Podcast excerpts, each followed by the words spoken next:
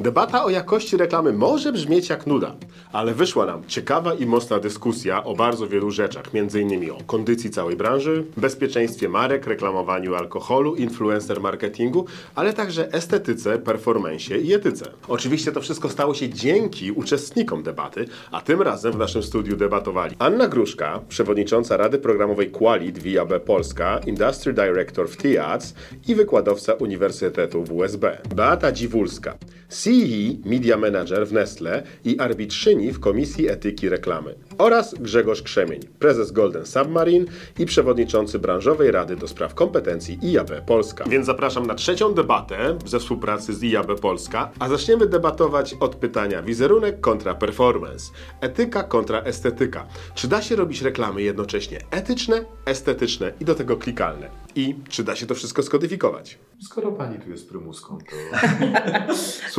mądrości. Myślę, że e, może, możemy zacząć od, e, od końca trochę tej, e, tej dyskusji, bo w związku z tym, że mam przyjemność być arbitrem w Komisji Etyki Reklamy w ramach Rady Reklamy, to możemy od razu jasno powiedzieć, że mamy na rynku samoregulację, gdzie rozmawiamy o tym, jak etycznie się reklamować, co jest istotne, jak konsument może te informacje bądź reklamy zgłaszać, jeśli uważasz, że coś jest nieetyczne, więc sami jako branża sobie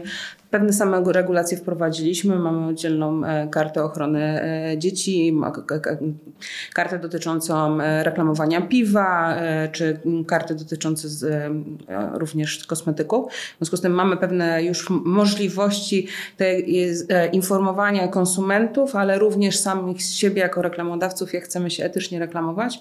I myślę, że to jest istotna rzecz, no bo jeśli jasno sobie określimy, po pierwsze A, prawem, B, samymi własnymi regulacjami i moim zdaniem również również moralnie, e, co chcemy konsumentowi przekazać, jak przekazać, no to będziemy działać etycznie, a naprawdę to są proste kwestie, które można w prosty sposób zrobić, no bo e, te skargi, które przychodzą, naprawdę czasami, e, drodzy reklamodawcy, to są naprawdę drobne rzeczy, które można by było od razu za pierwszym razem zrobić i nie mieć skargi konsumenta. W związku z tym da się na tym polu etycznym działać. Myślę, że bardziej o takich e, aspektach, jak no, to pewnie nam Grzegorz będzie mógł e, więcej opowiedzieć. No, no i o, o szarej strefie porozmawiamy w drugim pytaniu.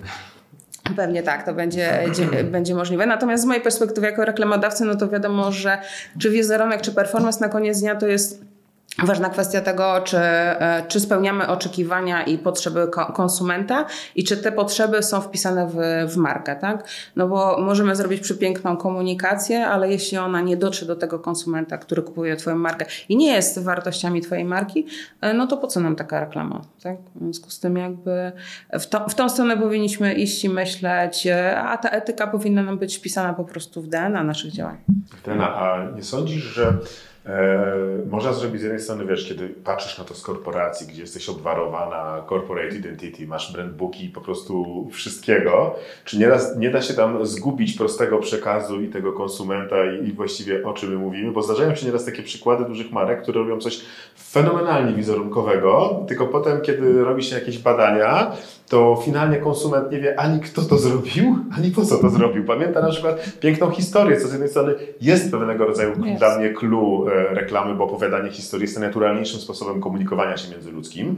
Natomiast e, jak w tym jeszcze wszystko wsadzić performance? No bo jednak ta, ta odwieczna walka, wszystkie kryzysy czy coś, to nagle wszyscy zaczynamy wściekle liczyć tą reklamę performance. Jakie mamy CTR-y, jakie tutaj, czy osiągnęliśmy nasze KPI, -e, jak to pogodzić jeszcze finalnie właśnie z tym, z tym wizerunkiem korporacja zawsze będzie patrzyła na ten wizerunek i bezpieczeństwo w pierwszej tak. kolejności, tak z mojego doświadczenia, dopiero 20 lat pracy z korporacjami. Zdecydowanie wizerunek jest e, istotny, a brand safety wpisane jest już w nasze, w każde działanie, które prowadzimy, w każdym aspekcie, które jest. Natomiast nieważne, e, o czym będziemy w tym momencie rozważać, u nas na pierwszym planie jest konsument i jego potrzeby, jego oczekiwania. Jeśli my dobrze zrozumiemy konsumenta, poznamy jego insight e, i będziemy w stanie odpowiedzieć benefitami naszego produktu na to, to jesteśmy w stanie moim zdaniem zrobić wszystko. Oczywiście czasami jest ciężej e, i to są większe wyzwania wtedy dla agencji kreatywnych, a czasami jest ciężej w przypadku wydawców, żeby spełnić nasze oczekiwania co do brand safety. Ale myślę, że jeśli byśmy się tego wszystkiego dobrze, dobrze trzymali, to da się to zrobić. Oczywiście nie wykluczam, że są wpadki, będą wpadki, jesteśmy tylko ludźmi, więc nawet przepiękne procesy budowania całej komunikacji od zera, od insightu, przebadanie tego wszystkiego na koniec dnia może się jednak okazać, że gdzieś popełniliśmy po prostu błąd źle zrozumieliśmy konsumenta, więc jest to realne, jest możliwe. Jasne. No dobrze, to odbijmy to od e, rynku agencyjnego. Grzegorz, e, czy ty uważasz, że jest naprawdę tak różowo, czy klienci jednak czasami nadal zachowują się tak jak w Sketchumana i Materny, że logo ma być większe i się obracać? Logo ma być tak. Ja reprezentuję tą część kreatywną i, i, i jak e, zadałeś to pierwsze pytanie odnośnie tego, czy można robić efektywne, etyczne i, i E, efektywne, etyczne i, i, I jeszcze estetyczne. Estetyczne. To od razu wyobraziłem sobie taki stary trójkąt, który wisiał w każdej drukarni, gdzie na trzech szybko. bokach było szybko, tanio i, i dobrze i można było wybrać tylko, tylko dwa. dwa. Więc e, uśmiechnąłem się i pomyślałem, że w sumie w internecie jest prosto, bo jeżeli, e, jeżeli mm, ogarniemy ten trójkąt właśnie w, w, oparciu o to, co o pytanie, to da się to zrobić. Przy czym, e, jeżeli chodzi o kreację, to im większy format, tym prościej. Jeżeli chodzi o estetykę, a potem im niższy, im mniejszy format, tym łatwiej o, o efektywność. Więc te duże formaty zwykle klienci chcą wykorzystywać do budowania takiego wizerunku, jakiegoś przekazu, historii o osobie, a im niżej, tym po prostu te, te formaty reklamowe o mniejszych powierzchniach wykorzystuje się właśnie w celach efektywnościowych. I prawdą jest, że e, im większy format, tym można więcej opowiedzieć, można więcej pokazać, można te kiwiki, e, zdjęcia opracować lepiej, dokładniej i, i więcej historii na nich zawrzeć a im niżej, to już e, zaczyna się pewne rzeźbienie. Tam e, coraz częściej, a właściwie to już prawie zawsze, wchodzą jakieś automaty, które optymalizują te kreacje, więc są one już powiedziałbym efektem pracy ludzkiego narzucenia stylu, a później automaty, zautomatyzowanego doboru tego, żeby jak najefektywniej w tym jak najmniejszym formacie dowieść efekt, więc da się. Tak. No ale przez ciebie. Słyszę, jak się mówi, u mnie działa.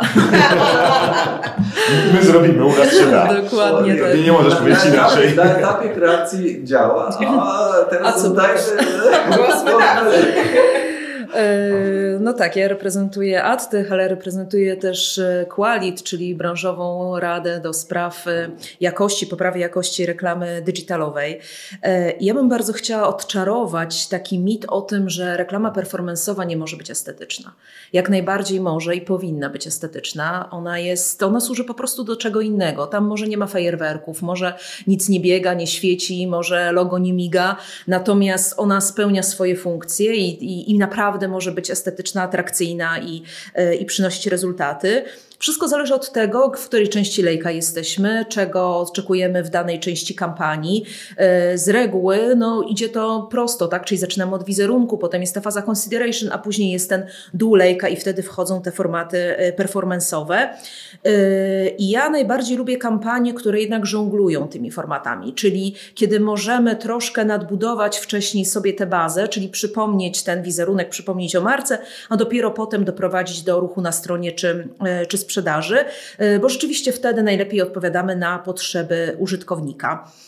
A na tym nam zależy, czyli to, co Beata powiedziała, no client first y, i to jest chyba dla nas wszystkich, myślę, niezależnie od tego, gdzie siedzimy, y, najważniejsze.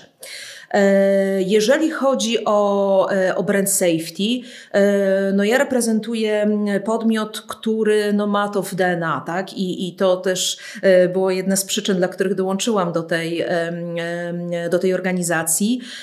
Od zawsze walczymy o to tutaj i w ramach Stowarzyszenia IAB i wszyscy, jak tutaj siedzimy przy tym stole, jest to dla nas niezwykle ważna sprawa i myślę, że powinna być dla każdego.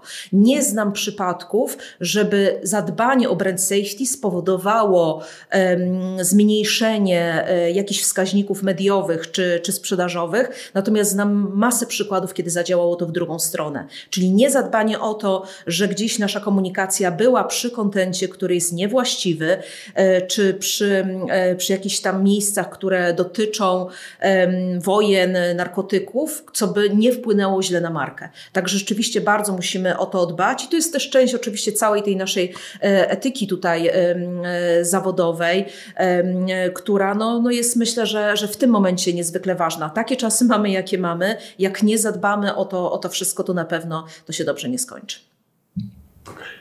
Bardzo jesteście Nic nie? Nie podoba mi się. Nie no, teraz, teraz, teraz będę dopytywał w takim razie, bo... Mm, nie no, wiesz, ciężko powiedzieć, żeby olać brand safety, nie? No to ciężko powiedzieć, żeby olać brand safety, e, nie da się, ale może, może od drugiej strony, wiesz, bo może my jesteśmy o tyle spaczeni już wszyscy, że pracujemy, wiesz, z dużymi markami i, i po mhm. prostu z ludźmi o dużej świadomości marketingowej, a rynek jest o wiele szerszy i, ty, i tych mniejszych, e, może skupmy się na chwilę e, na mniejszych podmiotach, Czyli to, co, też, też to, co widzimy, to, co obserwujemy na co dzień. Nie wiem, czy chcecie podawać nazwy, czy będziemy wycinać, żeby nie było pozwów, ale można, można oczywiście wypikać, ale zróbmy, zróbmy drugą rundkę. Co widzicie, na przykład, że w Polsce mniejsze marki robią? No bo Polska to jest ileś marek, ileś, e, ileś firm, ileś rzeczy. Czy widzicie jeszcze, czy nie zgrzyta wam, bo to trochę jak, e, trochę jak mechanik, czy trochę jak e, filmowiec, czy osoba prowadząca zawodowo wywiady, jak ogląda innych, to widzi, widzi problemy, więc wiesz, Beata, zacznie, już tak patrzę na ciebie, bo wiesz, pracujesz, obsługują cię najlepsze agencje na rynku, jesteś w Jabie, masz olbrzymie doświadczenie, pracujesz w gigantycznej korporacji, ale jak tak idziesz sobie na przykład do sklepu osiedlowego, czy co cię, co cię tam razi w okolicy? Jak widzisz, albo, albo w internecie, kiedy chodzisz, jakie praktyki jeszcze widzisz, że w Polsce są obecne i, i, i już cię rażą z twojego punktu widzenia, twojej po prostu, wiesz, wiedzy marketingowej? No to wiadomo, że, że nadal jest wykorzystywanie kobiet w, po pierwsze w kontekście seksualnym e, albo w kontekście, e, że ona musi sprzątać, ona musi się zajmować domem, nie ma tego parytetu e, w, w komunikacji nadal, w, szczególnie w mniejszych miejscowościach, w mniejszych organizacjach i dla bardziej lokalnych marek nie jest to w ogóle dość często istotne. Tam, gdzie mamy jeszcze tak zwanych, ja to zawsze nazywałam za przykładem jednej z moich szefowych, żyjącym właścicielem firmy, który on to jest jego firma od zawsze i tym, tym zarządza i to jest jego dziecko i każdy element jest dla niego ważny. W dodatku folwark. E, tak, no i jest, e, jest to najczęściej, no nie ukrywajmy, najczęściej jest to mężczyzna, tak, który prowadzi tą firmę. W związku z tym on ma zupełnie inne spojrzenie na, na różne rzeczy, a patrząc na kons konsumentów, to dość często zakupy są dokowane na koniec dnia przez kobiety, tak? W związku z tym ten komunikat albo pomoc w wyborze nawet partnerowi samochodu się ostatnio okazało, że jednak w wielu przypadkach to kobieta decyduje, jaki samochód e, ma być wybrany niekoniecznie kolor, ale również technikalia i, e, i to jest e, na tej zasadzie, że wiecie, o decyzję podejmuje ktoś, kto w ogóle e, nie ma do czynienia z tymi osobami, patrzy przez, swój, przez swój pryzmat i takie komunikaty są po prostu potem wysyłane, a co jest gdzieś tam najgorsze chyba w tym wszystkim jest to, że na koniec dnia tymi wszystkimi komunikatami my budujemy świadomość tych najmłodszych konsumentów, bo my to sobie jakoś poradzimy, potrafimy to wytłumaczyć, jesteśmy inteligentni, pracujemy w takim środowisku, ale spójrzmy na takie mniejsze miejscowości, e, osoby nieletnie, które widzą tego typu komunikaty. My ich budujemy e, świadomość na przyszłość. Budujemy ich perspektywę, jak mają się dalej zachowywać, co jest ważne, istotne. No tak, ale wiesz, już tak żyjąc sobie w takiej banieczce, nie wiem, jak Warszawa, Poznań, Trójmiasto, E, to nie żyje, żyjemy tak naprawdę w trochę innej Polsce. Jeśli wyjedziemy, nie wiem, 20 kilometrów z dowolnego tego dużego miasta, trafiamy do odrobinę bardziej, nazwijmy technicznie, konserwatywnego miejsca, z bardziej klasycz, z klasycznymi poglądami, no i to są także nasi konsumenci i naszych, i naszych, i naszych marek. Tam są, tam są bardziej, to co mówisz, tam są bardziej takie, nazwijmy to, e, klasyczne, konserwatywne role, no ale ci klienci też poniekąd tego się domagają. No, mamy, mamy silną polaryzację, wiesz, i my, my siedzimy i chcemy być, chcemy być otwarci, chcemy być dla wszystkich z jednej strony, no, a z drugiej strony, tak jak mówisz, pan, weźmy typowe imię właściciela takiego biznesu, Janusz, stwierdził, że kalendarz z gołą babą u niego w firmie będzie i koniec, amen. Nie no, to e, e, zdaję sobie z tego sprawę, natomiast no, e, jakoś musimy zaczynać te zmiany. Zaczynamy pewnie tam, gdzie jest nam najłatwiej, czyli w dużych aglomeracjach i w naszych gdzieś tam środowiskach, ale to musimy dalej kontynuować i, i po prostu naszymi wszystkimi działaniami i zrozumieniem tego konsumenta, dlaczego on tak to mhm. myśli, dlaczego tak postrzega, jak możemy to zmienić, jak możemy w delikatnym nawet sposób, bo ja nie mówię o gwałtownych rewolucjach, próbować wpływać na te zachowania po prostu, tak? Dlaczego mamy przyjmować to za standard, który w każdym miejscu, w każdym każdym mieście, mniejszym czy większym w Polsce ma nadal istnieć, tak? No my jesteśmy w XXI wieku, no. Nie no, jasne, tylko to nie, podoba mi się to, co powiedziałaś małymi krokami, bo to jest wiele rzeczy, które chcemy zrobić tak, że chcielibyśmy nagle trochę nasz paradoks Polski lat 90., że teraz w 10 lat nadrobimy 50 lat życia. Nie no, bądźmy realistami, nie da się. Miejscu, no. ale, ale tak, no, ja nie widzę innego sposobu niż małe kroki, edukacja i pokazywanie, że to jest skuteczne. Myślę, że po to działa między innymi ja, żeby pokazywać potem na cyferkach, że słuchajcie, może to wygląda kontrintuicyjnie dla Was, ale proszę, mamy dane, że to działa. Grzegorz, ty jak patrzysz sobie na mniejszych? Jak, jakie grzechy widzisz, jakbyś to reperował? Na mniejszych. Może jeszcze pół kroku wstecz o, o większych, bo wydaje mi się, że każda do, dobra, duża marka, dla których my pracujemy, ma po prostu określone po, swoją pozycję, jeżeli chodzi o brand safety. I oni po prostu nie chcą ruszać się poza swoje granice, żeby po prostu nie wywoływać jakichś konfliktów nie wiem, wizerunkowych, prawnych, czy, czy jakichś, nie daj Boże, jeszcze finansowych. Więc e, takie marki okupują się w takich miejscach, ale e, to powoduje, że ta powierzchnia, te, te zakupy, jeżeli chodzi o brand safety, są droższe. E, w porównaniu na przykład z zakupem mediów, gdzie po prostu można mrugnąć okiem jak na przypiwie bezalkoholowym na to brand safety i po prostu tam puszczać. I wydaje mi się, że mniejsze marki, które mają ciut mniej wyrobioną opinię na temat brand safety, a po prostu mówiąc literalnie nie dbają o to, e, pozwalają sobie na kupowanie takich mediów i, i po prostu pokazywanie się e, w takich środowiskach, ponieważ jest tańsze, jest tam mniejsza konkurencja i stety lub niestety są tam ludzie bo jak nad tym się zastanowimy, to jednak ktoś ogląda te patostreamy, e, ktoś mimo wszystko te freak fightowe walki sponsoruje, Już więc, są tak popularne więc e, są ludzie i są, e, są reklamodawcy. I coś, co nie wiem, z perspektywy dużej marki nie przeszłoby, na przykład reklamowanie się w kategorii pornografia. No, no właśnie chciałem zadać Ci Ciebie pytanie, kogo byś wsadził na Pornhub'a? E, już były takie e, przypadki w Polsce i to mm, e, i to chyba w 2017 roku, o ile mnie pamięć nie myli, a XCOM, XCOM ze swoją myszką dla leworęcznych pokazywał się na Pornhubie, więc było to coś, co przeszło przez naszą infosferę. E, teraz wiem, że też chyba XCOM trzeba to sprawdzić. E, e, na OnlyFans rozpakowywał jakąś przesyłkę ze swoimi rzeczami, więc.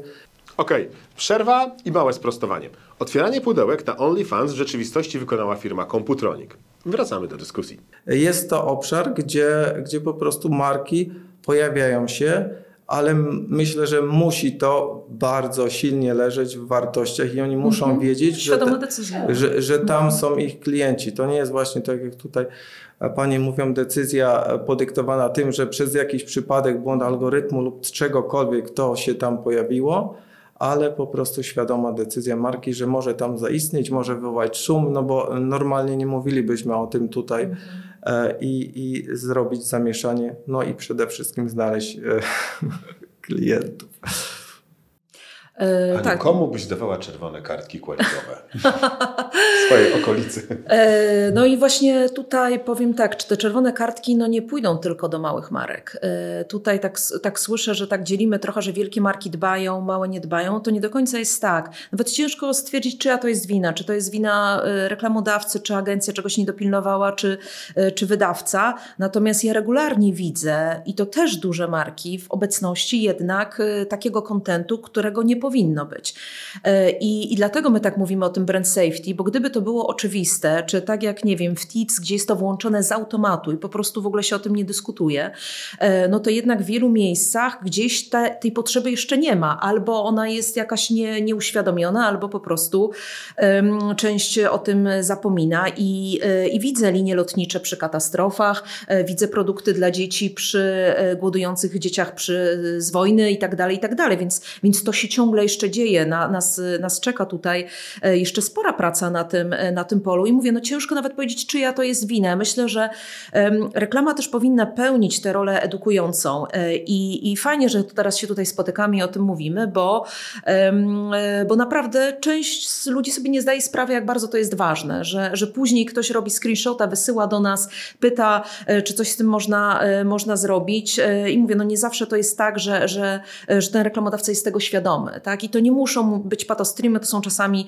po prostu zwykłe, zwykłe artykuły, ale przy których się nie powinno komunikować. No bo patostreamy to jest dla mnie jakby, no taka czerwona kartka nie do odwołania, jakby to, znaczy tutaj nie ma dyskusji. Ja jestem absolutnie przeciwna. To, co mamy w tym momencie, cała Pandora Gate, to, co się dzieje w ogóle na, na rynku influencerów e, i pewne przyzwolenie, które było przez jakiś czas w branży na to, żeby się komunikować poprzez ludzi, o których pewne rzeczy były wiadome, tak? Czyli e, jeżeli wiemy, że ktoś był moberem, czy nie daj Boże pedofilem, no to no, znaczy dla mnie tu nie ma. Tu, tu tutaj w ogóle nie ma dyskusji. No, jeżeli ale, taka ale, informacja ale wychodzi, no właśnie, no i tu jest y, gdzieś ktoś o coś nie zadbał, nie ma wytłumaczenia na bycie przy takim kontencie. Tak jak w przypadku tutaj e, Grzesiu powiedział o Pornhubie, no to jest decyzja jakiejś dorosłej osoby, wchodzi sobie na takie treści i absolutnie rozumiem decyzję marki, do której to pasuje. To jest, to jest e, zupełnie inna, inna rzecz. Natomiast w momencie, kiedy mamy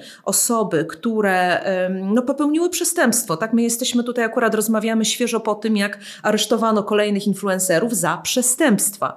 Nie ma wytłumaczenia, że będzie fajnie, kontrowersyjnie, że będą nas rozmawiali. Absolutnie nie. To jest coś, co może naprawdę na długie lata zabić markę. Okej, okay, no tak, no i jeszcze uszkodzić ile, ile, iluś odbiorców. Ale tak oczywiście, nie do to, co, to, co mówiła Beata, że często w Polsce zapominamy o najmłodszych odbiorcach, którzy kupują ten świat reklamowy jak młode pelikany i influencerów. Dokładnie i tą Wierzą, tak. I, i, I my naszymi pieniędzmi tak naprawdę napędzamy. cały czas napędzamy ten, e, napędzamy ten rynek. E, no głosujemy portfelem, zawsze. E, I tutaj wszystko jedno, czy to są reklamodawcy, agencje, czy użytkownicy, którzy gdzieś oglądają tego typu content. Znaczy, tu jest jedna ważna decyzja, którą trzeba w którymś momencie podjąć Zasięg nie jest w tym momencie najważniejszy. Kiedy gdzieś wchodzą bardzo ostre rzeczy, jak łamanie prawa, jak właśnie brak zadbania o najmłodszych, nie wolno nam spojrzeć na żadne inne parametry. Nie ma to już po prostu żadnego znaczenia.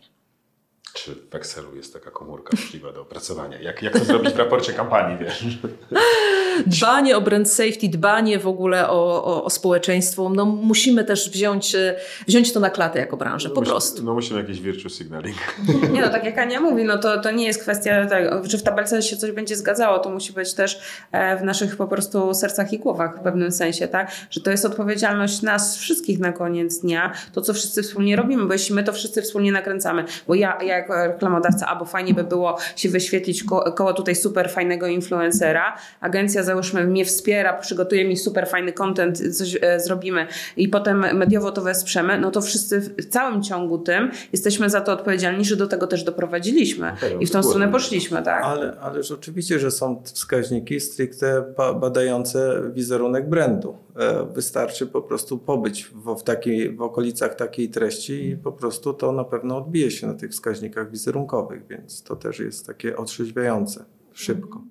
To jest też fajne, że słuchajcie, to ta, ta młodsza generacja już naprawdę bardzo zwraca na to uwagę i ja wiem, że my jesteśmy w takich czasach, że się bardzo dużo narzeka na te zetki w kontekście pracy i ich podejścia, natomiast ja jestem pełna, pełna dobrej wiary, bo e, to jest młodzież i, i młodsza część milenialsów naprawdę bardzo zwraca uwagę e, na, e, na kwestie ekologii, na kwestie właśnie odpowiedzialności społecznej marek i to jest super, tak? Bo oni rozliczają z tego. I prędzej czy później, jeżeli gdzieś, jeżeli ktoś nawet nie ma, że tak powiem, kręgosłupa moralnego, to prędzej czy później odbije mu się to w tych badaniach, o których mówił Grzesiu. No tak, no ale to, to, to jest to, że Zetki i Alfy odporniły się na bullshit, który my jako mm -hmm. pokolenie tam milenialsów łykaliśmy, bo przyszedł z zachodu mm -hmm. i na pewno było lepsze to co kiedyś, więc jeden do jednego tak. braliśmy.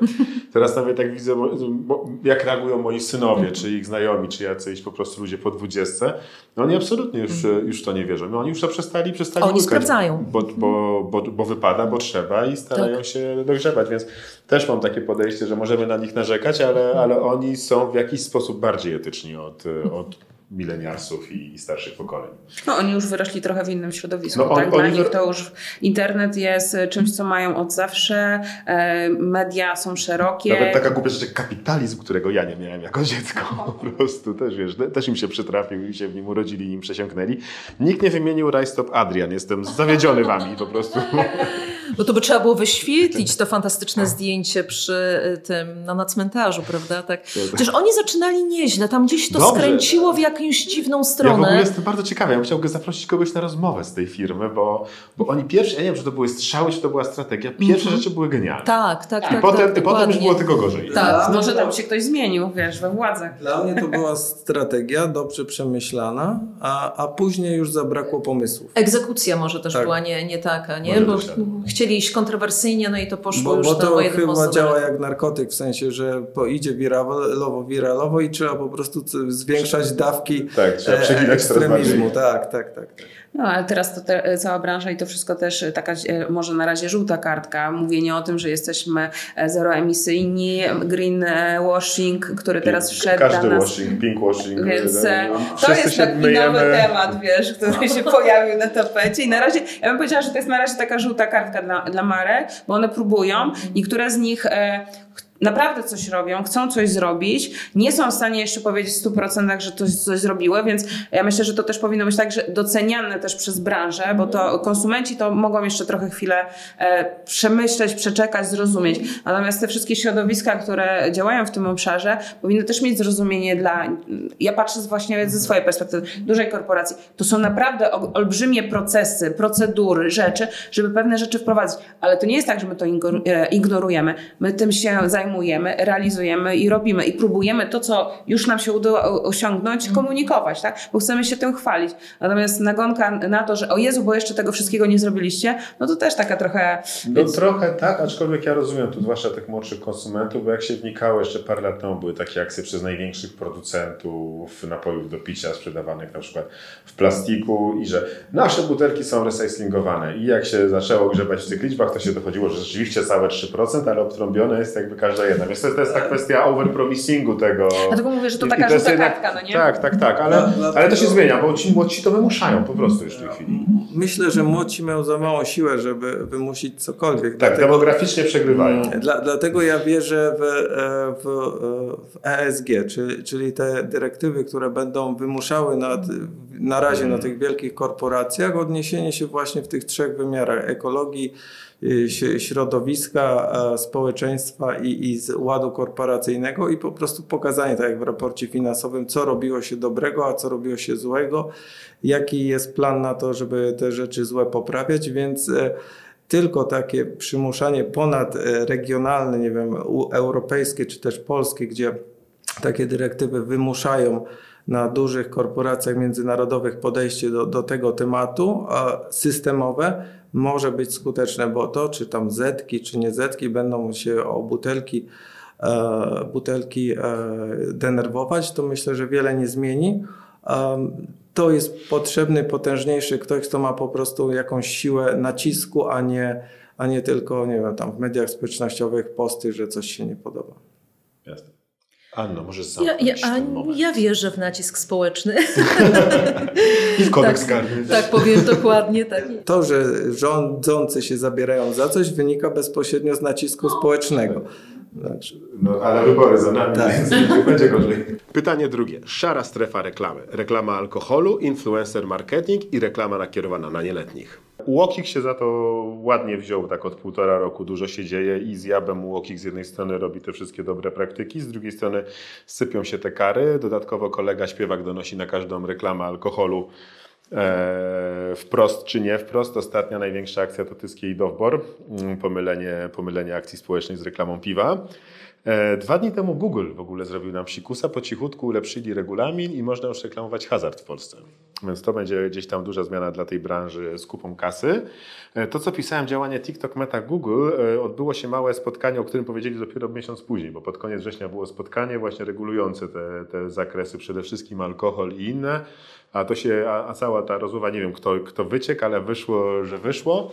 E, mamy dość niejasne regulacje, no i te, teraz połowa tych reklam, połowa tych postępowań u okiku alkoholowych wisi chyba na tym jednym ostatnim włosku, że jest logowanie, że żeby korzystać z Instagrama, czy żeby korzystać z Facebooka trzeba być zalogowanym, w związku z tym nie jest to do wszystkich, tylko i tak dalej, więc e, szara strefa reklamy, no i tutaj teraz odwracamy. Ja jestem za odpowiedzialnością, odpowiedzialnością społeczną, e, zwłaszcza jeżeli chodzi o różnego rodzaju uzależnienia. E, nam się kojarzy alkoholizm bardziej tak z PRL-em, tymczasem no, statystyki są zupełnie inne. To znaczy, w ciągu ostatnich 20 lat dwukrotnie wzrosło nam spożycie e, spirytusowych napojów. Dwukrotnie. Mamy olbrzymi w tym problem w Polsce e, i trzeba do tego podejść odpowiedzialnie. Nie wyobrażam sobie zgody na jawną komunikację tego typu napojów. Myślę, że trzeba absolutnie przestrzegać regulacji. Wierzę też oczywiście w, w dobre E, praktyki różnego rodzaju firm i w, to takie, w te takie reklamy pod tytułem Pij odpowiedzialnie. E, natomiast myślę, że tutaj musimy być bardzo, bardzo ostrożni. E, I mamy takie czasami dylematy, kiedy, kiedy jesteśmy czy jurorami w konkursach, kiedy pojawiają się takie zgłoszenia, gdzie jest to sprytnie wyminięte, jakby te, te wykorzystanie po prostu tych możliwości, które, które są. Natomiast mimo wszystko wszystko nałożyłabym na to filtr odpowiedzialności. E, I tak jak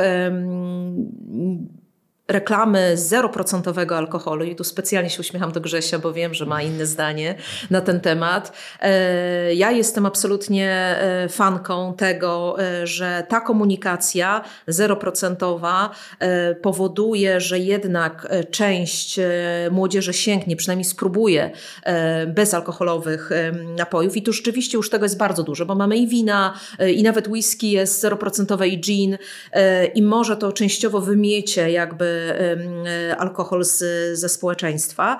E, bo tak jak mówię, no mamy z tym problem olbrzymi, jako Polska i jako branża, tak? Więc jakby tutaj, tutaj ta odpowiedzialność jest, jest konieczna, a znowu się odniosę do tego młodego pokolenia, w które bardzo wierzę, oni naprawdę piją mniej alkoholu. Czyli to największe spożycie to jest już powyżej tam 35 roku życia, a młodzież z racji takiej, że też więcej uprawia sportów, i, i, i, dba o to, żeby, żeby nie było tego e, przynajmniej codziennego, codziennego picia, sięga po te zeroprocentowe trunki e, i fajnie i tutaj jak najbardziej wspierajmy. Natomiast no, kiedy chodzi już o spirytusowe różne rzeczy, to omijanie, jakby to takie naginanie prawa, ta szara strefa, e, no nie ma na to zgody.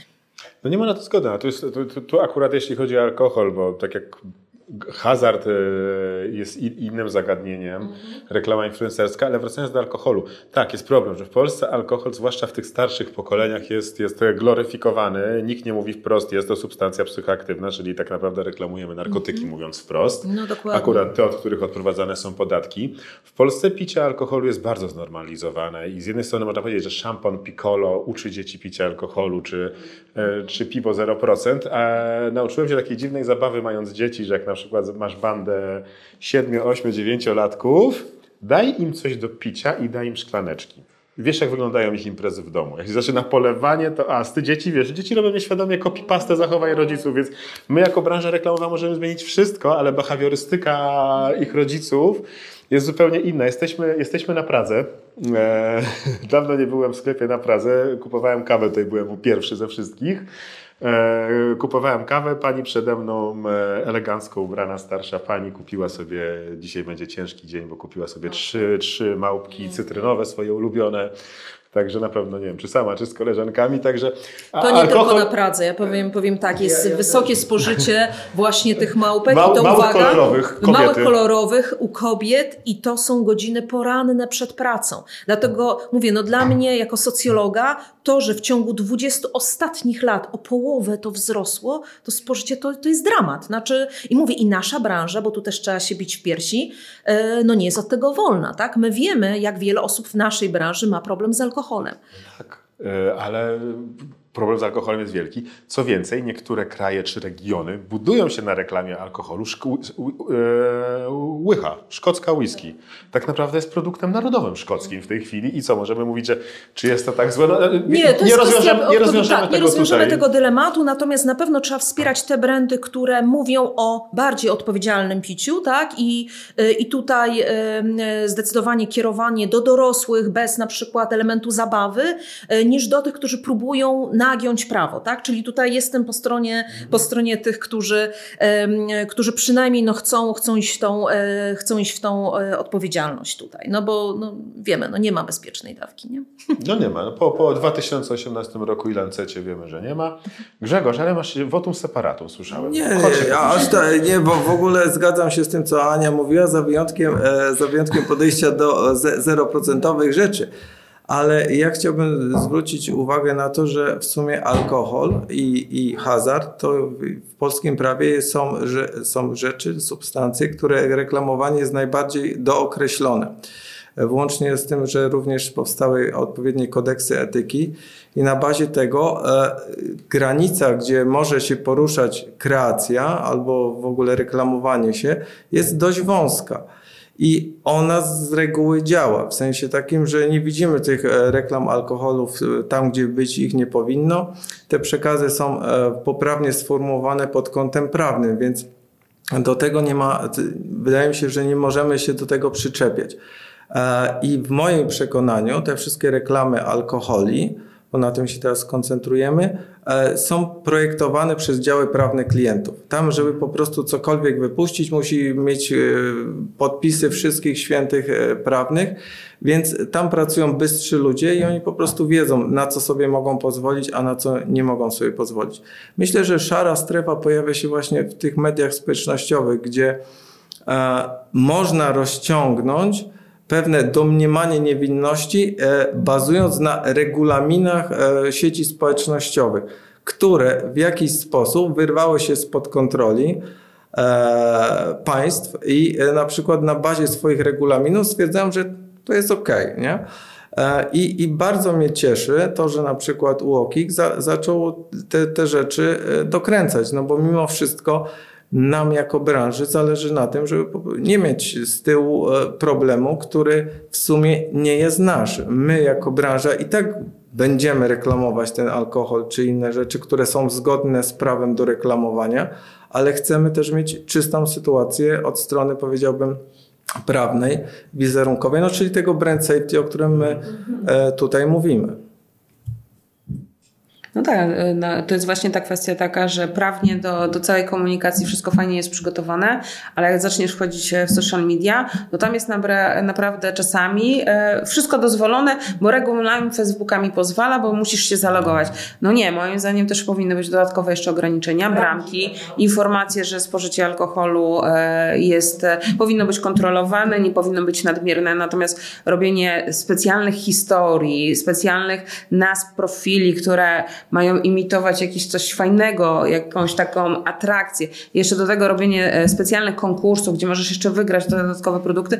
No sorry, ale to nie jest ten kierunek. To, no. to nie powinniśmy w tą stronę w ogóle iść. Tradycja od łódki Bors jedna. E, tak, właśnie chciałem, e, chciałem o tym wspomnieć, że mimo wszystko jako branża też zrobiliśmy duży krok w, w kierunku normalizacji. Już nie przychodzą łódki, łódki BOS, już mruganie o bezalkoholowym też już nie przechodzi, więc ta, ta lekcja jest odrobiona. Wydaje mi się, że te pole manewru, które jest dla takich na wpół legalnych działań, naprawdę zostało ograniczone. Jeszcze jest, ale myślę, że zwęża się z każdą z każdą decyzją organów, które są za to odpowiedzialne. Absolutnie. UOKiK robi od jakiegoś czasu dobrą robotę i też myślę, że to, to co padło, że Google czy Facebook takie stały się trochę silniejsze niż, niż regulacje narodowe, ale myślę też DSA, DMA powoli zaczyna, zaczyna już iść tutaj od no, kierunek, nadzieję, że tak. odzyskujemy tak. na tym kontrolę. Tak, tak, tak, no bo jakby fantastyczne wytłumaczenie, bo regulamin Facebooka czy Google na to nam pozwala. No tak, tylko że jesteśmy w kraju tu w Polsce, mamy takie regulacje, mamy zakaz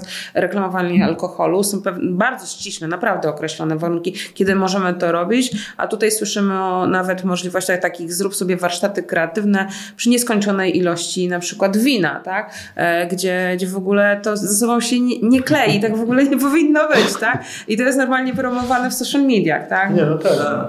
Ania bardzo dużo mówi o odpowiedzialności i wydaje mi się, że jeżeli my popatrzymy na te platformy społecznościowe, to one e, ładnie się wizerunkowo pozycjonują, e, ale na końcu za oceanem ktoś liczy na to, że będzie jakiś zysk na akcjach lub nie. I, e, i myślę, że odpowiedzialność będzie dopiero wtedy. Była bardzo fajna prezentacja na forum IAB. Niestety nie pamiętam autora, teraz skleiłem to że w którymś momencie, żeby o tą odpowiedzialność zadbać w tych dużych platformach społecznościowych, do zarządów musi być powoływany ktoś, kto będzie dbał o tą o tą odpowiedzialność społeczną i będzie to osoba z zewnątrz, a nie osoba, która po prostu będzie e, z organizacji. I myślę, że gdyby udało się wypracować taki model, jak tutaj związki zawodowe w Polsce, to tam osoba, która e, dba o to, żeby, mm, żeby to, co jest robione, było robione w sposób e,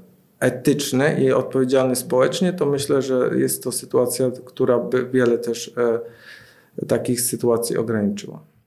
No tak, bo gdzieś musi być ta odpowiedzialność również tych dużych wydawców. Tak? Na, na lokalnym rynku naprawdę nasi lokalni wydawcy naprawdę stawiają e, wszystko na głowę, szukają takich rozwiązań, żeby zabezpieczyć każdą stronę i siebie, i nas, i konsumentów, bo czują tą odpowiedzialność. Natomiast tak jak Grzegorz mówi, tam są ci ludzie za które liczą po prostu na koniec dnia kasę, a to jest e, I u nas jak...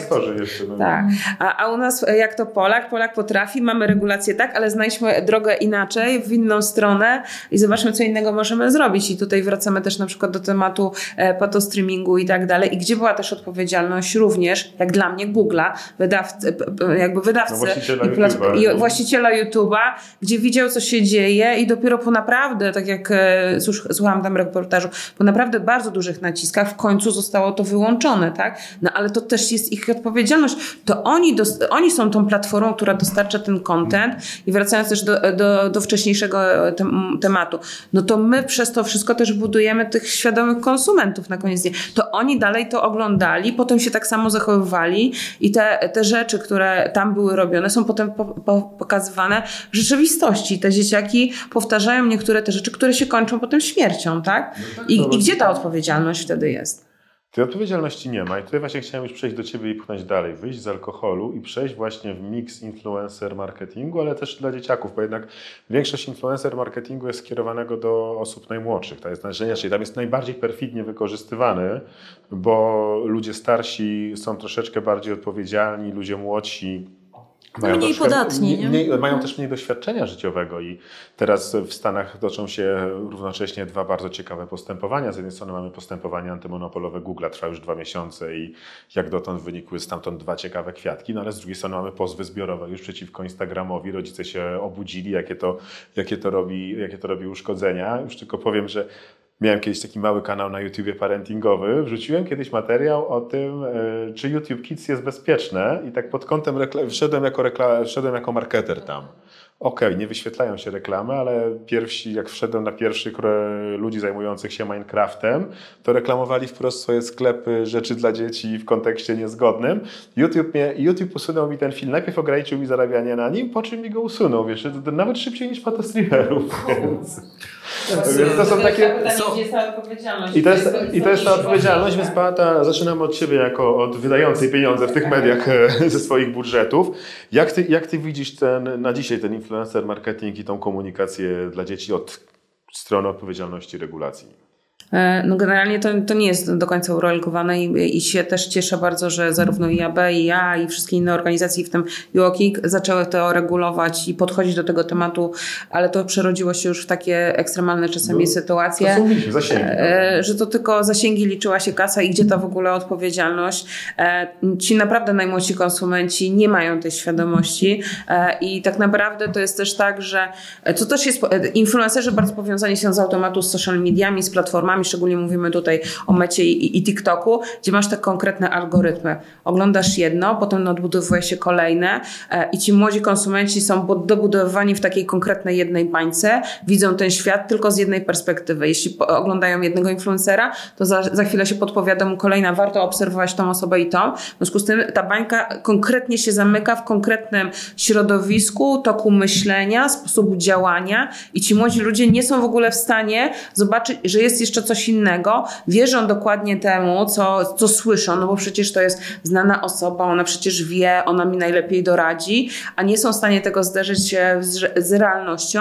Dość często nie dzielą też się z, e, z rodzicami e, w tych tematach. Nie mam dzieci, no ale słucham was wszystkich, którzy mają i, i znam, e, jakie są różne sytuacje. W związku z tym jakby i platformy influencerzy zbudowali taką bańkę wokół tych wszystkich młodych i to, co oni mówią, dla nich jest najbardziej istotne, najważniejsze e, i najwiarygodniejsze. A znalezienie się tam marek, które z jednej strony mają wrażenie, że tak pomoże im to w podejmowaniu decyzji, no ale teraz jest pytanie, czy na pewno to jest słuszna droga i ten kierunek, czy na pewno ten influencer naprawdę ci to da, czy na koniec dnia e, nie odbierze twojej marce e, wizerunku, nie doprowadzi do jakiegoś kryzysu. E, I dla mnie to jest taka strefa, ja wolę zawsze powiedzieć, że wolę nie iść z tym influencer marketingiem i z tymi działaniami, bo ja nie mam pewności, co się wydarzy w przyszłości z tym influencerem. Czy z celebrytą, tak jak kiedyś były różne przypadki. Wierzyłeś, że ktoś jest naprawdę super osobą i jeden po prostu przypadek, powiązanie ciebie z, ma- e, z e, tego e, influencera, celebryty z tą marką, bo byłeś długoletnio związany, pada twój wizerunek na lata. Kto to odbuduje? Na pewno nie ten influencer, nie ten celebryta i to na koniec dnia ciebie jako reklamodawca, jako markę, na ciebie spada ta odpowiedzialność, no bo ty wybrałeś tego influencera. No tak, no ale wiesz, wybrałeś jego wizerunek, a to, no tak, to, co tam z tyłu było tak, zabraziło. Tak, ale tam się też jeszcze, przepraszam, że tam jeszcze się mówi na tej zasadzie, że wiesz, e, marka chciałaby się opowiedzieć w jakimś kontekście, to jest dla niej wartości ważne, a z drugiej strony się mówi, no ale influencer no nie może wyjść spoza swojego świata, on zbudował swoją taką właśnie też strefę, on mówi w takim stylu, takim, e, takim sposobie. No ale gdzieś to musi się też e, zgrać. Czasami mieliśmy też sytuacje takie, że influencer puszcza materiały, które w ogóle były niezgodne z ustaleniami i z markami, tak? Więc gdzie jest też ta odpowiedzialność po tej drugiej no, stronie. To, to, była druga rzecz, tutaj tak, no, powstały te pakiety. Dobra, tak Grzegorz, widziałem, że ty bardzo chcesz. Tak, e, może nie bardzo, ale chciałbym zwrócić uwagę, że e, to środowisko influencerskie jest po prostu bardzo młodym środowiskiem. Ono po prostu wyrosło w ciągu ostatnich lat i, i ja pamiętam jeszcze te początki, pamiętam, że po prostu ludzie w ogóle dziwili się, że trzeba jakąś fakturę wystawić lub, lub cokolwiek. Tam po prostu wszystko wykuwało się w locie.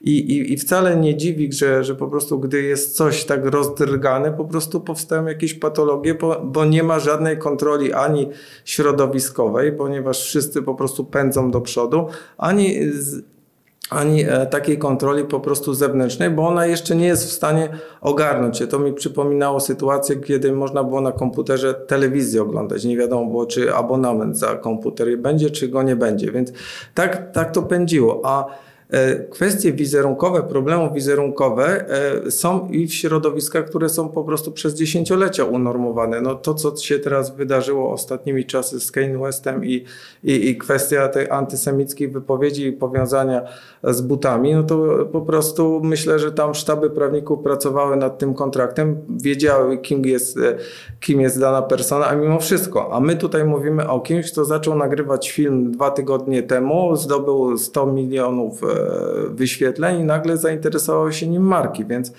to jest tak, że, że po prostu może się zawrócić w głowie od popularności dorosłym osobom, a my mówimy czasami o, o, o, o, tak, o dzieciach, ale, więc... Ale trochę wiesz, to Pandora Gate to cała pokazała, że tak. to, wiesz, to byli ludzie, którzy byli, którzy tworzyli ten od dekady influencer marketing w Polsce, który był za szybko, nikt go nie rozumiał, tak, mhm. jak, e, tak jak do dzisiaj wiele, wiele osób starszych uważa, że nie rozumie TikToka i, i nie dotykają się tam, bo, bo mózg im wybucha jak tylko wchodzą, ale to nie jest żadne usprawiedliwienie z tak, strony. E, nie nie jest, a, ale, ale po, pozwala to, na to popatrzeć e, w, w szerszym kontekście, bo bo z tego byłem na ostatnio na webinarze IAB odnośnie regulacji UOKiK-owskich e, i rynku influencerskiego.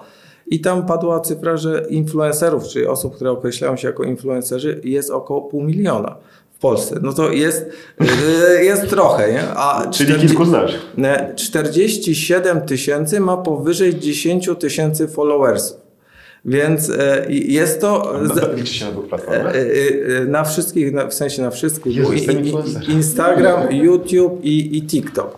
Więc zapełnilibyśmy stadion narodowy, a no. przez ten rynek przechodzi 650 milionów złotych rocznie co wydaje się być dużą kwotą, ale jak podzieli się na 47 tysięcy, zrobiłem tą matematykę dla przyjemności, to wychodzi 13 tysięcy rocznie. No Czyli, tak, ale, ale jak weźmiesz, no, że tak naprawdę górne 5% tak, pe, pewnie dokładnie jest w ten, w ten sposób, więc e, jest to duży rynek, a, który jest nieuregulowany.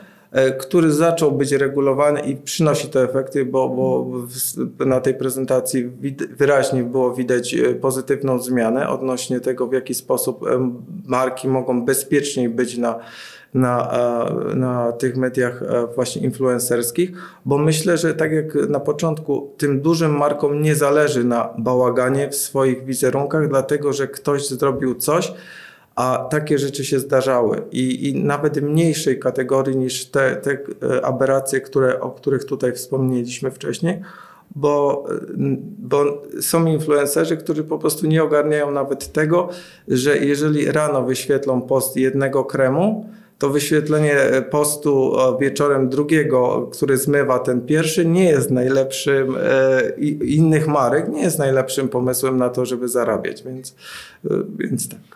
No tak, ale gdzie tu są w takim razie pośrednicy? Gdzie są agencje albo już takie wyspecjalizowane podmioty, które gromadzą tych influencerów i robią to takie paczki specjalne, tak? Bo, bo dla mnie nie ma wytłumaczenia, że ktoś nie zadbał o to w kontrakcie z danym influencerem, że właśnie nie może wyświetlić rano jednej e, reklama, potem drugi. To wystarczy zapisać w kontrakcie. I ludzie, którzy się tym zajmują zawodowo, to, to naprawdę, no to, to, to, to potrafią to robić. Tylko pytanie, czy komuś się gdzieś tam chciało. I tutaj wrócę do tego, czym było gdzieś tam na, na początku. E, my jako branża, ja przez wiele, no kilkanaście, kilkanaście lat pracowałam jako szef digitalu w różnych agencjach i naprawdę wiedzieliśmy, gdzie jest ryzyko u którego influencera i żeśmy nie rekomendowali po prostu tego typu e, e, ruchów. Oczywiście reklamodawca mógł z tym zrobić, co chciał, że właśnie to nie jest tylko matematyka, to nie są tylko te zasięgi, to nie są tylko te informacje, marki konkurencyjne, które też były u danego influencera, tylko jeszcze jest właśnie ta informacja z rynku, że coś tam nie gra, tak? Że ktoś było coś oskarżony. I tutaj dla mnie też jest różnica między tym momentem, kiedy to wszystko startowało i tak jak mówisz, te dzieciaki dopiero w ogóle wchodziły, a ten moment, który mamy już jednak od dawna, czyli pewne rzeczy możemy sprawdzić, tak? Czyli możemy y, wiedzieć, czy dana osoba, oprócz tego, że właśnie ma zasięg i się zajmuje, nie wiem, czymkolwiek, Minecraftem czy kosmetykami, wypowiada się w social mediach na różne tematy i czy przypadkiem nie jest jakoś tam dla nas y, kontrowersyjna i czy przypadkiem nie będziemy w kontencie, który jest dla nas no, bardzo ryzykowny. I y, wiecie, no potem i tak te marki ktoś rozlicza, tak? Kiedy wyszły te wszystkie afery, kiedy wyszła Pandora Gate, no to dziennikarze wymieniali po kolei marki, które wspierały tak, tych influencerów, więc to jest mega ryzykowne. Naprawdę, ja się zgadzam z Beatą, lepiej odpuścić, niż zaryzykować w którymś momencie. Co nie znaczy, że nie ma cudownych influencerów, którzy naprawdę robią fajne, merytoryczne rzeczy, może mają trochę mniejsze zasięgi i być może warto też być e, w tej, w tej komunikacji. E, jeszcze to jest trzecia strona, czyli coś, co zdarza się komuś coś, że tak powiem, chlapnąć. I teraz zależy od tego, co, co ktoś, czy to jest coś rzeczywiście bardzo bardzo, bardzo silnego, czyli nie wiem, no jakaś wypowiedź czy antysemicka, czy, czy, czy e, antyjakakolwiek, anty jakiejkolwiek nacji, no i to jest wiadomo, to jest gruba sprawa, ale jeśli ktoś opowie, nie wiem, żart, który może jest zbyt, powiem, gruby, śmieszny, no to też ja jestem przeciwna tej cancel culture, tak, że, e, że, że od razu wtedy e, wycinamy taką, taką osobę ze, ze społeczeństwa, więc tutaj jest bardzo dużo tych miękkich czynników. My to musimy wyważyć, gdzie co jest istotne. Są dla mnie rzeczy nieprzekraczalne i to, są, to jest przemoc. I absolutnie uważam, że bardzo późna była reakcja na to, co robił, nie wiem, kamerzysta czy, czy stół i tak dalej. Jest coś, co jest pośrodku, czyli tutaj bardzo dużo tego miękkiego zastanowienia się, kiedy ktoś coś powiedział w bardziej, powiedzmy, półprywatnym, czyli na innym kanale na jakiś, na jakiś temat. No i oczywiście zbyt niskie w wspomaganie e, tych e, influencerów, którzy nie mają tych olbrzymich zasięgów, ale są bardzo gdzieś tam merytoryczni. I tak samo jest z contentem, jeżeli chodzi o media. Wspieramy user-generated content, zapominamy o cudownych artykułach pisanych przez profesjonalnych dziennikarzy, gdzie rzeczywiście warto się e, pojawiać, bo wtedy znowu głosujemy portfelem i te nasze pieniądze idą tam, gdzie ktoś profesjonalny zrobił coś, co jest, co jest wartościowe. Ja jeszcze chciałbym może do, dodać do tego, co, co Ania mówisz, że mm, jeżeli my kupujemy zasięgi w sposób automatyczny u influencerów, to, to nie wiemy, co kupujemy. Mm -hmm. Ja śpię spokojnie, jeżeli chodzi o nasze kontakty z influencerami, bo to, co klienci robią i u kogo, po prostu jest weryfikowane. To nie jest tak, że, że ten ma tyle zasięgu, to trzeba tam puścić, żeby po prostu wyrobić normy. Trzeba poznać tego influencera, sprawdzić, czy on, nie wiem, te wartości, o których on opowiada, są zgodne E, z marką, jaką ma historię tego wszystkiego, co e, ma na tych nie wiem, swoich kanałach, e, jaki ma odbiór społeczny, to, to naprawdę da się sprawdzić, tylko że to jest ręczna robota, a nie robota po prostu robotów, które wyrzucają jakieś rekomendacje. Ale to jest właśnie ta odpowiedzialność i, i w ogóle te wszystkie rzeczy, tak jak sami mówicie, zaczęło się, rozbudowywało się, ale nagle naprawdę na tym rynku pojawiło się bardzo dużo agencji, które powiedziały, specjalizujemy się tak. w influencer marketingu, wiemy jak to najlepiej Dokładnie. robić. I to jest ich odpowiedzialność. I to jest dla mnie ich mhm. właśnie ta odpowiedzialność, bo ja jako brand manager e, przychodzę i dostaję na przykład rekomendacje, słuchaj, do twojej aktywacji to naprawdę ci influencerzy na, najlepiej pasują, my ich mamy sprawdzonych, zweryfikowanych. Ja w takim razie e, wiele szacunku do was, że jesteście jesteście w stanie tak zrobić, ale mam wiele przykładów takich, że po prostu dostajemy listę influencerów, ci będą najlepsi. No i jednak wchodzisz, sprawdzasz, czy ci pasują, no to na przykład wychodzisz na to, że zasięgi to w ogóle nie w Polsce, tak? No to po co mi taki influencer, tak? Potem, że do, dosłownie parę dni temu współpracował z konkurencją, gdzie my od razu przy współpracy e, mówimy, tak, pół roku wcześniej żadnego Dokładnie. postu w naszej kategorii może nie być. Oczywiście jesteśmy wielką organizacją, więc mamy dużo tych kategorii, więc zawsze zawężamy to, że jeśli mówimy o kawach, to do kawach, jeśli o słodyczach, to w słodyczach. Nie będziemy robić czegoś takiego, że na kto reklamował kawę, a my chcemy robić słodycze, no to będziemy, no bo nie, zna, nie znaleźlibyśmy tak dużej ilości tak, influencerów. Ale ja, za, tak jak zawierzam, nie wiem, wydawcę agencji kreatywnej, to też zawierzałam agencjom influencerskim, że oni naprawdę są ekspertem, no bo to jest nowe środowisko. Tylko tym się zajmują, tak? I tylko tym się zajmują, w związku z tym mają tą ekspertyzę. I są w stanie mi pomóc e, po prostu wiarygodnie dla mojej miarki znaleźć te, e, te te kanały tych influencerów, którzy mi pomogą, a nie zaszkodzą, więc moim zdaniem dość spora odpowiedzialność jest i była na, na agencjach influencerskich, tak? Więc gdzie oni w tym wszystkim tutaj byli i jak oni teraz są temu wszystkiemu zaradzić? Ja wiem, że próbują teraz ciężką pracę, przygotowują kodeks e, e działań influencerskich, wspierają IAB, i ja e, i mam nadzieję, że również e, dalsze kroki współpracy z UOKikiem i z pozostałymi. Natomiast wydaje mi się, że to, co teraz gdzieś nam się wydarzyło, tak jak Ania mówi, to, to było to nasza wspólna trochę odpowiedzialność, ale ja mam taką trochę poczucie, że większość większość tych agencji, bo to oni gdzieś rekomendowali, byli na tym rynku i wiedzieli najlepiej, no tak, bo byli tylko w tym obszarze. A my działamy, każdy z nas działa szeroko. Nie jesteśmy w stanie być w każdym obszarze tak detalicznie. Digital marketing stał się tak szeroki, że muszą być specjaliści. Nie możesz być dobra z SEO i z influencer marketingu i jeszcze do tego z kreacji graficznej. No I pytanie trzecie. Reklama kontekstowa w bezciasteczkowej przyszłości. Czy reklama kontekstowa urośnie? Wygląda na to, że tak. Może co ważniejsze, czy reklama kontekstowa jest bezpieczna dla marek i co jeszcze w tym zakresie mogą zrobić wydawcy i reklamodawcy? Częściowo odpowiedzieliśmy sobie już na to w poprzednich pytaniach, więc tak naprawdę myślę, że to jest tylko już podsumowanie tego, że zaraz e, wyłączymy third party cookies, zostaną first party cookies, więc aż tak wiele się nie zmieni. Wiadomo, będzie moment chaosu i przystosowania się, ale wróciła nasza stara, dobra reklama kontekstowa, która ubrana w nowe ciuchy ma jest tam sprzedawana jako coś absolutnie nowego i seksownego i wcale nie jest z nami od 20 lat ale ona jest ciekawsza, bo tam już są algorytmy sztucznej inteligencji, więc ona rzeczywiście lepiej ten kontekst dobiera. Kiedyś to był po prostu reklama przy danej tematyce, a teraz już wiemy, jak skanujemy sobie słowo po słowie dany artykuł, gdzie ta reklama się powinna pojawić, więc to już jest e, taka reklama kontekstowa na sterydach, bym powiedziała i jestem jej wielkim, wielkim fanem.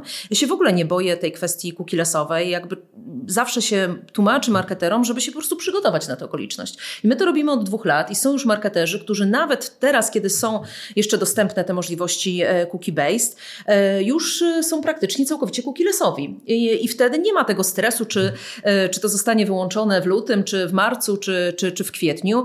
Po prostu zostanie to zostanie. My wiemy, że możemy tak optymalizować kampanię, że te wskaźniki mediowe będą nawet lepsze, jak sobie porównujemy część cookie base do cookie less. Więc, więc ja tu jestem w ogóle jakąś wielką e, optymistką, powiem szczerze, w tym, e, w tym zakresie. E, no i rzeczywiście raczej we współczesnym społeczeństwie można odejść od tej takiej twardej demografii i iść bardziej w stronę zainteresowań i tego, co ktoś rzeczywiście czyta. Bo to nie jest tak, że kobiety czytają tylko o kosmetykach i modzie, a panowie o samochodach, tylko jest, jest to bardzo szerokie i wtedy dzięki temu, że nie mamy tej bardzo takiej skonkretyzowanej uparcie się na tej demografii, idziemy za rzeczywistymi zainteresowaniami użytkowników, więc tu są same plusy. Okay. Tak. Nie no, e, akurat w tym się totalnie zgadzam. Naj, najfajniejsze jest to, że ja mam tą starą też historię i pamiętam. O jak się dobierało ten kontekst. E, tutaj ja bym chciała przy tej marce, przy takim artykule tak. pozytywnym. Jeszcze tagi były. Tak, tagi były. Ja to jeszcze pamiętam te czasy prasowe, gdzie się wybierało tutaj przy tym artykule. Ja z, wtedy jeszcze w branży produktów dla, dla niemowląt i małych dzieci, w związku z tym wiecie, te wszystkie parentingowe magazyny. Wrażliwa. I wrażliwe, drugie to wrażliwa bardzo kategoria, więc dla mnie to taki powrót e, do, do starych e, rzeczy, które na pewno działały i były świetne, a przyszłe technologie nam to z, wtedy zmodyfikowały. Mamy świat, który teraz jest, ale myślę, że znowu przyszła kolejna era, no, więcej się nauczyliśmy, tak jak Ania mówi, to teraz będzie takie trochę bardziej na sterydach, będzie bardziej e, zautomatyzowane, pewnie w niektórych obszarach łatwiejsze do kontroli, ale to tak jak jest też z markami. No, żadna marka nie powie, że chce być wszędzie dla wszystkich, tylko zawsze szuka dla siebie jakiegoś kontekstu. Więc jeśli marka szuka dla siebie kontekstu, który będzie pasował też do konsumenta i będzie mogła się również w tym kontekście dalej komunikować, to jest tylko gdzieś tam pozytywne. U nas też jakby przygotowania do, do włączenia cookiesów trwają wiele lat. No jak to wiadomo w wielkiej organizacji to też są duże skomplikowane procesy, ale mamy całe zespoły, które nad tym siedzą, zastanawiają się jak technologicznie dla nas to wszystko przygotować. E, sporo stron internetowych, które dzięki temu też możemy wspierać e, Basterem, w związku z tym jakby te przygotowania trwają, czekamy na te ostateczne decyzje jak to będzie, ale ja myślę, tak jak Ania, jestem bardziej optymistyczna i pozytywnie do tego nastawiona, bo myślę, że to nam tylko może e, ułatwić i pomóc w niektórych aspektach. A co przyniesie przyszłość, no to zobaczymy. No. Może za, za, za 10 lat będziemy rozmawiać, że o Jezu, to nie było to i wracamy do performanceowych e, i jakichś innych rozwiązań I prasa drukowana. I prasa drukowana, bo teraz, teraz mówimy o tym, że nie, nie będzie cookiesów, ale przecież rozmawiamy o tym, że są, są i będą ID-ki. No to, czy to nie jest to samo? Są inne tylko inaczej nazwane? Tak. Inna technologia po prostu. Ja e, się nie boję, że to wpłynie e, na, na, przynajmniej na naszą firmę, e, bo my z kreacji jesteśmy bardzo daleko od rzeczy takich powiedziałbym mediowych.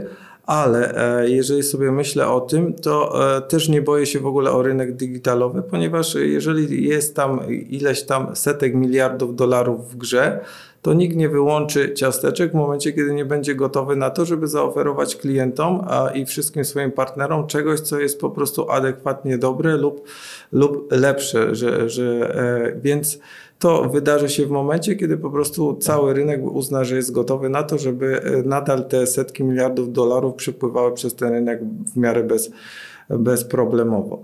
E, jeżeli chodzi o kontekst, to ja mam takie przemyślenie, I, I połączące to z brand safety, że jeżeli my za bardzo uwierzymy w te narzędzia, e, i które są, działają i są sprawne, to bardzo nam się wypłaszczy po stronie wydawców treść, do, która będzie nam oferowana jako odbiorcą tej treści, ponieważ e, jeżeli mamy marki, które będą uważały na swoje brand safety, to e, wydawcom zacznie się opłacać pisanie takich letnich e, artykułów, nie wiem, przegląd 10 najlepszych wiem, świeczek bożonarodzeniowych lub, lub czegoś takiego, co nie, nie wywołuje żadnych złych emocji, a, a że tak powiem, można przy tym bezpiecznie się reklamować. I takie powiedziałbym tematy społeczne, e, które są wrażliwe społecznie, które dotykają rzeczy ważnych, ale są, powiedziałbym, niemiłe dla marek, mogą być wyciszane w kontekście właśnie tego kontekstu, że, że tam reklamodawcy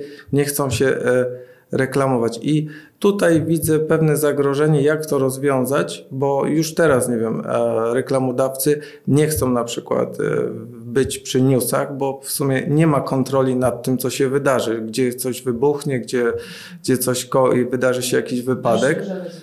Więc, więc jeżeli my postawimy na kontekst, to będziemy mieli taki letni kontekst y, po stronie wydawców jako ofertę ich dla reklamowania się. No tak, no to wiesz, no to, to jest coś, co telewizja ostatnio przeżywa, czy afera kabaretowa w tak. Polsacie, czy inne rzeczy, że to, no to jest jak z muzyką pop, no albo robisz coś dla wszystkiego, mm. albo robisz tutaj death metal, a, a tutaj ostry techno do rave'u. Tak, więc y, na przykład jeżeli się zastanowimy, kto będzie chciał wesprzeć reklamowo serwis, który zajmuje się jakimiś ważnymi społecznie tematami trudnymi, i nagle się okaże, że dziennikarz, który pracuje nad tym tematem, jest nieopłacalny, ponieważ y, wokół niego nie ma reklamy. Tak, bo jest najlepszym specjalistą tak. od uzależnień behawioralnych, na przykład w mhm. Polsce no tutaj też wchodzą nam, słuchajcie, te możliwości po prostu płacenia za content, tak? I stąd wiele serwisów, które ma bardzo, bardzo wysokojakościowe dziennikarstwo, mają, y, mają bramki, tak? I, I płacimy za to, żeby właśnie ktoś mógł się z tego utrzymać. I to też uważam, że jest dobry trend. I to widzimy z, coraz częściej zamykanie tych najlepszych artykułów, czy z New York Timesa, czy po polskiej, y, po polskiej stronie. No u nas gazeta ma dużo No dokładnie, no, no i to jest i to jest to. Ja myślę, że tutaj to jest odpowiedź też na to pytanie, że też reklama nie musi być wszędzie wszędzie. To, y, to, to, to nie jest tak, że my musimy być przy absolutnie każdym kontencie. No tak, tylko wiesz, z trzeciej strony, to już taki trochę będę adwokatem diabła, weźmy pod uwagę TikToka chociażby, czy pionowe wideo i weźmy czas, każdy z nas ma ograniczoną dobę, dlatego serwisy społecznościowe wyceniamy na podstawie czasu spędzanego mm. w różnych miejscach i myśleliśmy, że Facebook czy YouTube w Polsce, zbliżając się do 16-18 godzin użycia w miesiącu przez użytkownika jest straszny i zły, TikTok przekroczył już 24 i zostawił wszystkich w tyle. Ludzie chcą oglądać codziennie godzinę średnio każdy user filmiki, które tną ich uwagę po prostu, że mają krótszą niż mucha owocówka. My jako marketerzy musimy się tam e, znaleźć. Jak ten kontent jest bezpieczny i inna rzecz, to coś, ale wiesz, e, tak jak na przykład żyjemy w bańce my często branżowi LinkedInowej. No przecież wszystko było na LinkedInie, wszystko widziałem na LinkedInie, wszystko coś tam. Średni czas użycia LinkedIna w Polsce to 4 minuty, a TikToka to 24 godziny. E, o czym my rozmawiamy? No bo wiesz, na LinkedInie masz, bardziej musisz przeczytać, do, do zastanowić się. No tak, TikTok tak. jednak stawia na wideo, które jest bardziej atrakcyjniejszy. Siada, wciąga cię i wciąga, po godzinie... I, I, po godzinie się orientujesz, bo że obejrzałem 10 filmów o labradorach, tak? No na dokładnie, przykład, ale tak? wiesz, level dopaminy masz wystrzelony w ogóle leżysz tam. jesteś szczęśliwy, tak? No, po godzinie to już niekoniecznie, to już, to już właśnie zaczynasz mieć e, wyczucie. E, no, no i LinkedIn tak, już tutaj, żeby uzupełnić, to też jest dla wielu osób tylko serwis do szukania pracy. No. E, dlatego moim zdaniem trwa rekonkwista e, te e, starych ATL-owców, jeżeli chodzi o wskaźniki pomiaru. I taki wskaźnik jak uwaga, gdzie oni skoncentrują się nie na tym, ile tam się siedzi czasu i ile się tam przewinęło tych filmików, tylko ile świadomie spędziło się czasu z, obcując na przykład z marką, ile z tego się zapamiętało E, trochę drażni te serwisy społecznościowe. Tam była debata między właśnie tymi, którzy promują ten wskaźnik e, uwaga, e, a Facebookiem, gdzie, gdzie po prostu Facebook argumentował, że trochę są innym medium niż telewizja, ale część to argumentów... To nie tylko telewizja, wiesz, e, przepraszam, że Ci tak, wejdę, tak, ale no. akurat e, ruszyłeś temat, no, którym dość rzeczywiście intensywnie też się zajmuję e, i znam te badania. Znaczy to wygląda tak, że jeżeli chodzi o poziom uwagi w serwisach społecznościowych, to jest na poziomie 1,3 sekundy. Jeżeli mówimy, i to nie musi być telewizja, to wystarczy czytanie artykułu w internecie właśnie tego jakościowego i już mówimy o 11, 12, 13 sekundach. To jest tak duża rozbieżność.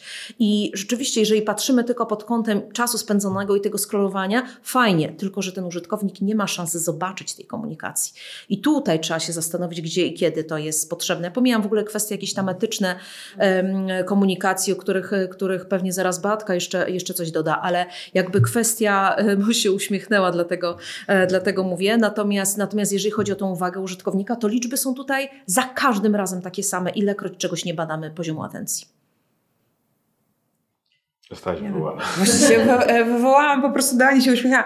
Nie, z tym kontekstem i z tym, e, no to są się, takie, e, to tak jak już wcześniej rozmawialiśmy o tych bańkach, o tych algorytmach, poddawane są nam rzeczy, które nas interesują i, i to, nam, to nam bardziej jest pokazywane, no ale też mamy kwestie na przykład, nasze komórki teraz na bank nagrywają wszystko, co mówimy i pytanie, co nam za chwilę się powyświetla na naszych social mediach czy w innych serwisach. Dziwne rzeczy E, więc tak, więc dziwne rzeczy na pewno za chwilę zobaczymy, no ale to tak e, aktualnie to tak niestety tak e, dziwnie wygląda, tak, że, e, że to wszystko, co nam pokazy, pokazywane jest, e, skądś się nagle gdzieś tam nam e, pojawia.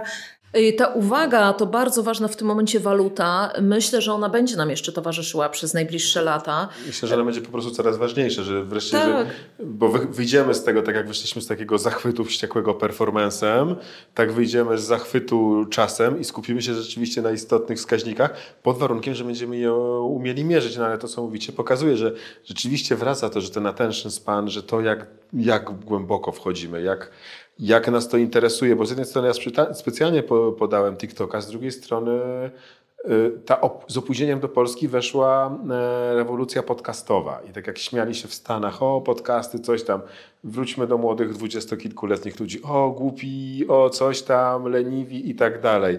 Najpopularniejszy podcast jeszcze dwa lata temu, jak ostatnio czytałem badania, nie wiem czy nadal Rogan jest najpopularniejszy czy nie, Wtedy był najpopularniejszy. Jego odbiorcą byli ludzie 26-30 i ci głupi ludzie z pociętym czasem uwagi wytrzymywali 3-godzinne rozmowy ekspertów. Bo były ciekawe, Bo, prawda? był, bo były ciekawe, ktoś siedział, rozmawiał, to nie był 14-sekundowy filmik. Ktoś poświęcił 2-3 godziny swojego życia na obcowanie z jednym zagadnieniem, głęboko, w sposób zniuansowany i tak dalej. I myślę, że to, to, to co mówisz, przywrócenie niuansu i obecność przy tematach zniuansowanych, nawet trudnych, może być ważniejsza. No to jest właśnie o tym, o zainteresowaniu, o tym, co konsument chce usłyszeć, tak? To nie mają być głupawe filmy, e, które konsumują nam czas, tylko powinniśmy to spróbować wykorzystać w pozytywny sposób i nawet te trudne tematy społeczne umieć w jakiś sposób e, delikatny, prosty przekazać i budować tą edukację wśród konsumentów, tak? Oczywiście, i to jest też, mówię, no, nasza odpowiedzialność, czy chcemy naszą komunikację marketingową przykleić do czegoś, co jest właśnie no, pięciosekundowym o niczym e, filmiku, czy o czymś ważnym. Tak? I to, to mówię, tutaj możemy ciągle dbać o brand safety przy tej okazji, bo to nie o to chodzi, żeby być od razu przy wojnie, ale możemy być przy ważnych e, tematach i są marki takie, także polskie, które o to dbają i rzeczywiście na tym też budują e, swoją obecność, jak chociażby, nie wiem, jest, tak? czy, czy marka biżuteryjna, czy wiele, wiele innych. Także to, to się dzieje, wydaje mi się i mówię, no ja jestem ciągle pełna optymizmu. Właśnie ze względu na, na, te, na tę młodą generację, która zwraca na to uwagę, czyli zwraca uwagę na odpowiedzialność marek, zwraca uwagę na odpowiedzialność e, wydawców, influencerów e, i gdzieś no, e, oni wzrastają i ten świat się będzie zmieniał w ich stronę, tak? Więc, więc tutaj, tutaj mamy, mamy pole do, do popisu i bijąc się gdzieś tam w piersi jako branża, możemy odpowiedzieć na te wszystkie ich zapytania i bolączki. No To oni kiedyś będą decydowali o tym, co będzie się z nami działo, bo my zaraz wyjdziemy w tą fazę już potem Ale- poza, poza branżą, a ci Ale młodzi... będziemy mieli prawo głosu, wiesz, a demograficznie to pff, ich tam jest połowa. Zobaczymy, miejmy nadzieję, że to się zmieni. Okej, słuchajcie, dziękuję Wam bardzo. Wyszło ciekawie, nawet ciekawiej niż się spodziewałem na tak hipotetycznie nudny temat, ale dziękuję Wam za dyskusję, za ciekawe przykłady i mam nadzieję, że spotkamy się jeszcze podyskutować. Oczywiście. Oczywiście. Oczywiście. Dziękuję Dzięki bardzo. Mam nadzieję, że dyskusja ekspertów nauczyła Cię czegoś nowego, albo chociaż pozwoliła Ci spojrzeć pod innym kątem na znane już zagadnienia. Wkrótce kolejne dyskusje na kanale. Zachęcam Cię także do obserwowania i oglądania naszych regularnych podsumowań miesięcznych i tygodniowych rynku digital marketingu, a także do dłuższych rozmów. A teraz dziękuję bardzo i do zobaczenia wkrótce.